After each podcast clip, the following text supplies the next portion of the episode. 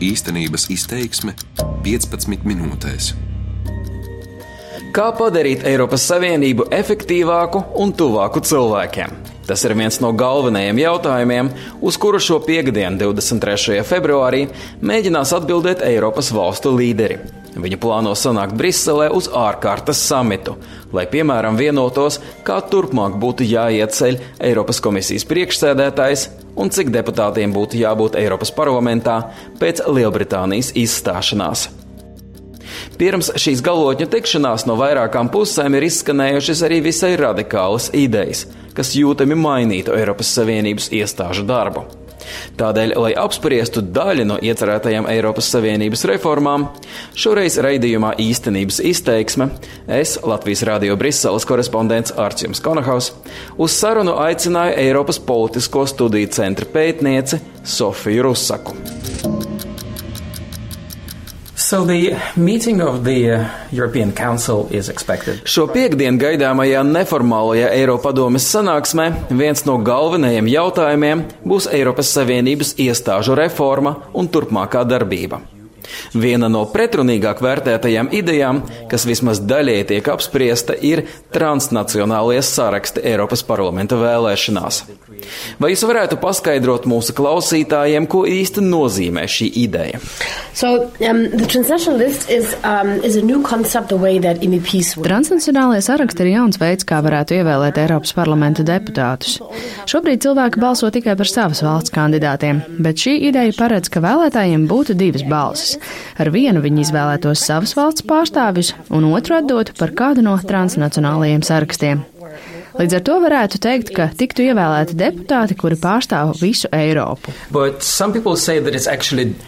Daži apgalvo, ka šī ideja ir bīstama, jo no transnacionālajiem sarakstiem ievēlētie deputāti varētu mēģināt nostādīt sevi pāri kolēģiem, kuri tika ievēlēti no atsevišķām valstīm. Well, honest, mm, really es par to īsti neraizētos. Man liekas, ka šādas bažas nāk no pašreizējiem deputātiem, kuri baidās par savu amatu un turpmāko karjeru karjeru. Bet arguments, ko izmantoja Eiropas Tautas partija, lai pamatotu savu balsojumu pret šo ieceri, man liekas loģiskāks. Proti, no transnacionālajiem sarakstiem ievēlētie deputāti varētu būt diezgan attālināti no saviem vēlētājiem. Deputātu uzdevums parasti ir pārstāvēt sava reģiona vēlētājus. Viena nedēļa mēnesī viņiem pat tiek speciāli atvēlēta, lai aizbrauktu uz to vietu, no kuras viņi tika ievēlēti, un veidot saikni ar turienes iedzīvotājiem. Bet, ja jūsu vēlētāji ir visā Eiropā, tad tas rada papildu grūtības izveidot ar viņiem kontaktu. Tādēļ es nesaku, ka esmu pret šo ideju, bet es piekrītu, ka transnacionālajie saraksti var radīt grūtības izveidot saikni ar vēlētājiem. Bet par to, ka tiktu radīti divu pakāpju deputāti, es gan neraizētos. Kāpēc Eiropas komisija joprojām pastāv uz šīs idejas? Aizvadītajā trešdienā publicētajos priekšlikumos viņi norādīja, ka dalību valstu vadītājiem tomēr vajadzētu to apspriest, jo transnacionālie saraksti varētu radīt vienotu Eiropas lauku. Of, of, um... Viņi to atbalsta, jo tas ir demokrātisks rīks, un to var veiksmīgi sasaistīt ar vadošo kandidātu ideju, ko viņi, protams, arī atbalsta. Abas šīs idejas ir visai tuvas. Es gan neteiktu, ka viņi būtu pārlieku aizrāvušies ar šo ideju. Savos priekšlikumos arī Eiropas komisija atzīst, ka šādu sarakstu izveidošanas gadījumā būtu jāpievērš pastiprināta uzmanība saiknē ar vēlētājiem. Tā kā es domāju, ka ir tikai dabiski, ka viņi nav pret šo ideju. Tas tiek darīts demokrātijas vārdā, jo abi šie instrumenti labi sasaucas kopā. Bet, vai jūs sagaidat, ka šī ideja patiešām varētu tikt atbalstīta, vai arī tomēr to atstās tālākai nākotnē? Well, Honest, um, Godīgi sakot, es nesaskatu šobrīd pārāk lielu atbalstu šai idejai. Vienīgie, kuri to atklāti virza, ir Francijas prezidents Makrons un īrijas premjers. Pārējie lielākoties klusē. Protams, ka daļēji viņi negrib pārāk daudz pateikt pirms piekdien gaidāmās sanāksmes. Bet es domāju, ja valstis būtu ļoti optimistiski noskaņots pret šo ieceri, tad mēs to šobrīd jau zinātu. Un jāatceras, ka arī parlaments to nav atbalstījis. Viņi gan nav pilnībā noraidījuši šo ieceri, atstājot to turpmākām diskusijām, tā kā ņemot vērā visus šos apsvērumus, es šaubos, ka tas gūs atbalstu. So I'm, I'm doubting him. Vēl viens temats, kas ir cieši saistīts ar tikko apspriesto ideju, ir turpmākais Eiropas parlamenta deputātu skaits pēc Lielbritānijas izstāšanās no bloka. Eiropas parlaments vēlas nedaudz samazināt kopējo deputātu skaitu, pārdalot starp citām valstīm tikai daļu no 75 britu krēsliem. Pārējo tiek piedāvāts paturēt vai nu transnacionālo sarakstu deputātiem, vai arī deputātiem, kuri varētu nākotnē nākt no jaunām dalību valstīm paplašināšanās gadījumā. Proti, ka dažiem tas patīk, bet citi gribētu saņemt papildu vietas jau tagad. Piemēram, Latvijai netiek paredzēti papildu deputāti, bet Igaunijas saņems vienu klāt. Kāds jūsuprāt būtu labākais risinājums? Vai deputātu skaitam būtu jākļūst mazākam, vai tomēr jāsadala visas britu vietas jau tagad? Think, honest, um, not... Godīgi sakot, tas nav šobrīd svarīgākais jautājums.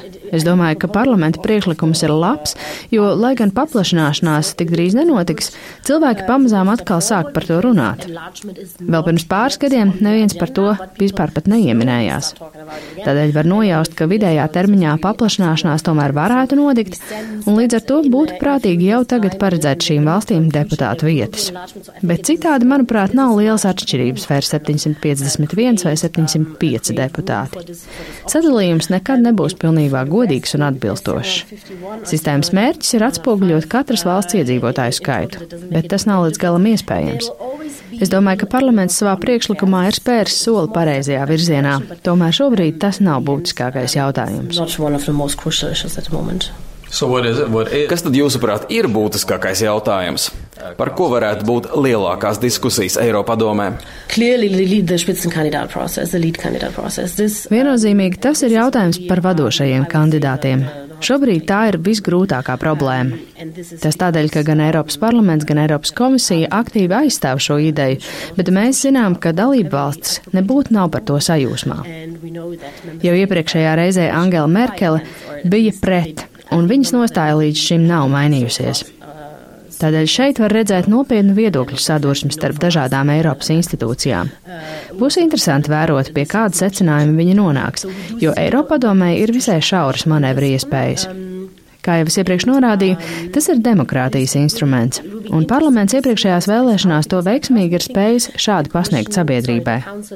Eiropas komisija toreiz pieslējās šim procesam un to atbalstīja. Arī šobrīd viņi turpina par to iestāties, jo esošais Eiropas komisijas priekšsēdētājs ir šīs sistēmas izmēģinājuma trusītis. Tādēļ nav skaidrs, kā dalību valstu premjeri un prezidenti tagad varētu publiski iestāties pret demokrātiju. Ja valstu līderi tagad sāktu aizstāvēt veco sistēmu, viņi sastaptos ar lielu kritiku. Līdz ar to es domāju, ka kaut arī valstīm šī sistēma nepatīk, viņiem vairs nav iespējas no tās atteikties. Uh, Well, Piemēram, Francijas prezidents Makrons saka, ka šī sistēma nerespektē pilnvaru sadalījumu starp Eiropas varas atzariem.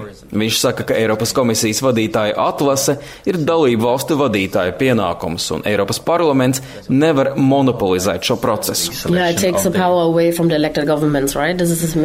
Jā, viņš saka, ka šī sistēma atņem varu demokrātiski ievēlētām valdībām. Bet mēs visi taču labi zinām, ka tas nav īstais arguments. Vadošo kandidātu sistēma nozīmē, ka komisijas priekšsēdētāja amats noteikti nonāks pie kādas no lielajām politiskajām grupām, bet Makrons nepiedara ne pie vienas no tām. Tieši tas viņam nepatīk šajā sistēmā. Kamēr Makrons nepievienosies nevienai no lielajām grupām, viņam nebūs izredzi ielikt komisijas vadītāja amatā kādu no savas partijas. So the, Līdz ar to galvenais jautājums Francijai te ir par ietekmi. So. Yeah, so. I mean, he, he... Jā, es tā domāju. Protams, ka publiski Makrons lieto citus argumentus, jo viņš nevar atklāti teikt īstos iemeslus. Bet cīņa par ietekmi, kā jau vienmēr šādos gadījumos, ir būtiskākais elements. Makrons arī saka, ka Eiropas parlamentam derētu nopietnas pārkārtojumus un pārmaiņas, un ka esošās politiskās grupas rūpējās tikai par savām interesēm, nevis par reformām, kas ir nepieciešamas visai Eiropai. Vai jūs tam piekrītat? Well, uh, with... Tas saskana ar viņa politisko kursu. Protams, tas, ko viņš dara Francijā, ir visai revolucionāri. Viņš mēģina izjaukt tradicionālo dalījumu kreisajos un labējos spēkos. Un es domāju, ka tās ir labas pārmaiņas. Tomēr Eiropas parlamentā es īsti nesaskatu, kā savādāk varētu uzbūvēt politiskās grupas. Eiropā pastāv partiju ģimenes, kas apvieno daudzas nacionālas partijas, un tās veido politisko grupu pamatu. Tā ir ļoti stabila struktūra. Makrons saka, ka grib izveidot savu politisko grupu Eiropas parlamentā. Ja tas tā notiks, tad man būs interesanti pavērot, kuras partijas viņam pievienosies, jo tas, ko viņš dara, pamatīgi atšķirs no citiem. Bet grupas ideja ir apvienot līdzīgi domājošos. Es gribētu atgriezties pie vadošo kandidātu sistēmas. Eiropas komisija saka, ka lielākās Eiropas parlamenta frakcijas kandidātam nebūtu automātiski jākļūst par nākamo komisijas vadītāju. Kā pasvītroja Žāns Klauds Junkers, ja tā būtu citur, tad viņš joprojām būtu Luksemburgas premjers. Gan viņš personīgi, gan viņa partija Luksemburgas parlamenta vēlēšanās bija saņēmusi visvairāk balsu. Tomēr cita politiķa viņu apgāja un izveidoja savu koalīciju, kas nokļuva pie varas.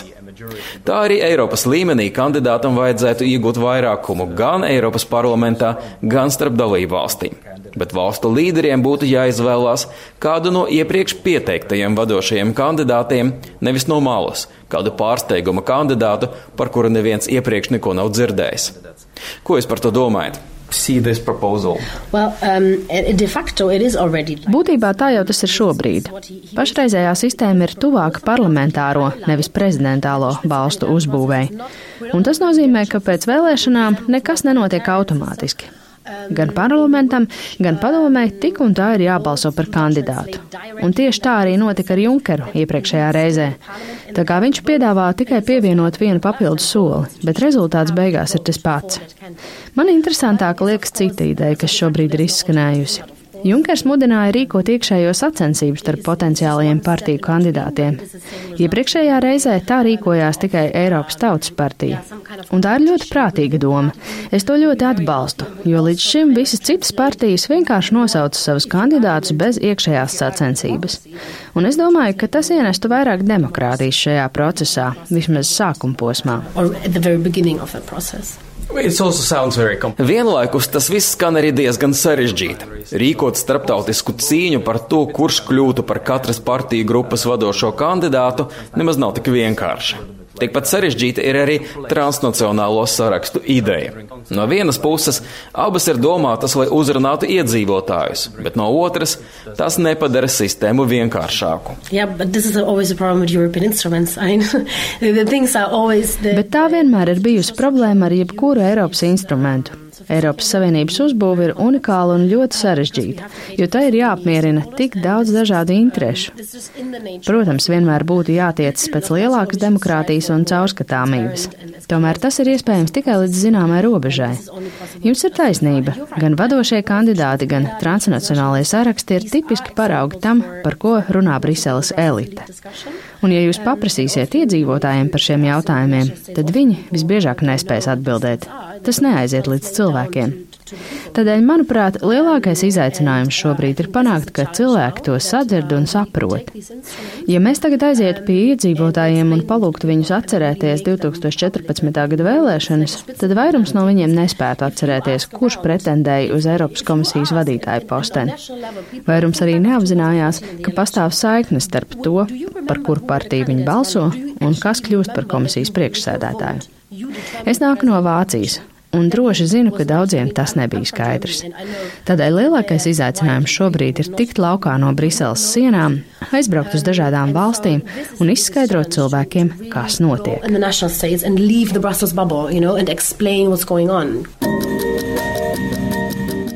Šīs dienas raidījumā īstenības izteiksme jūs dzirdējāt sarunu ar Eiropas Politisko studiju centra pētnieci Sofiju Rusaku. Viņu iztaujāju es, Latvijas Rādio Briseles korespondents Arčuns Konahaus. Par labskanību rūpējās Renārs Steimenis. Darbības vārds īstenības izteiksmē izsaka darbību kā realitāti. Tagatnē, pagātnē vai nākotnē, vai arī to noliedz.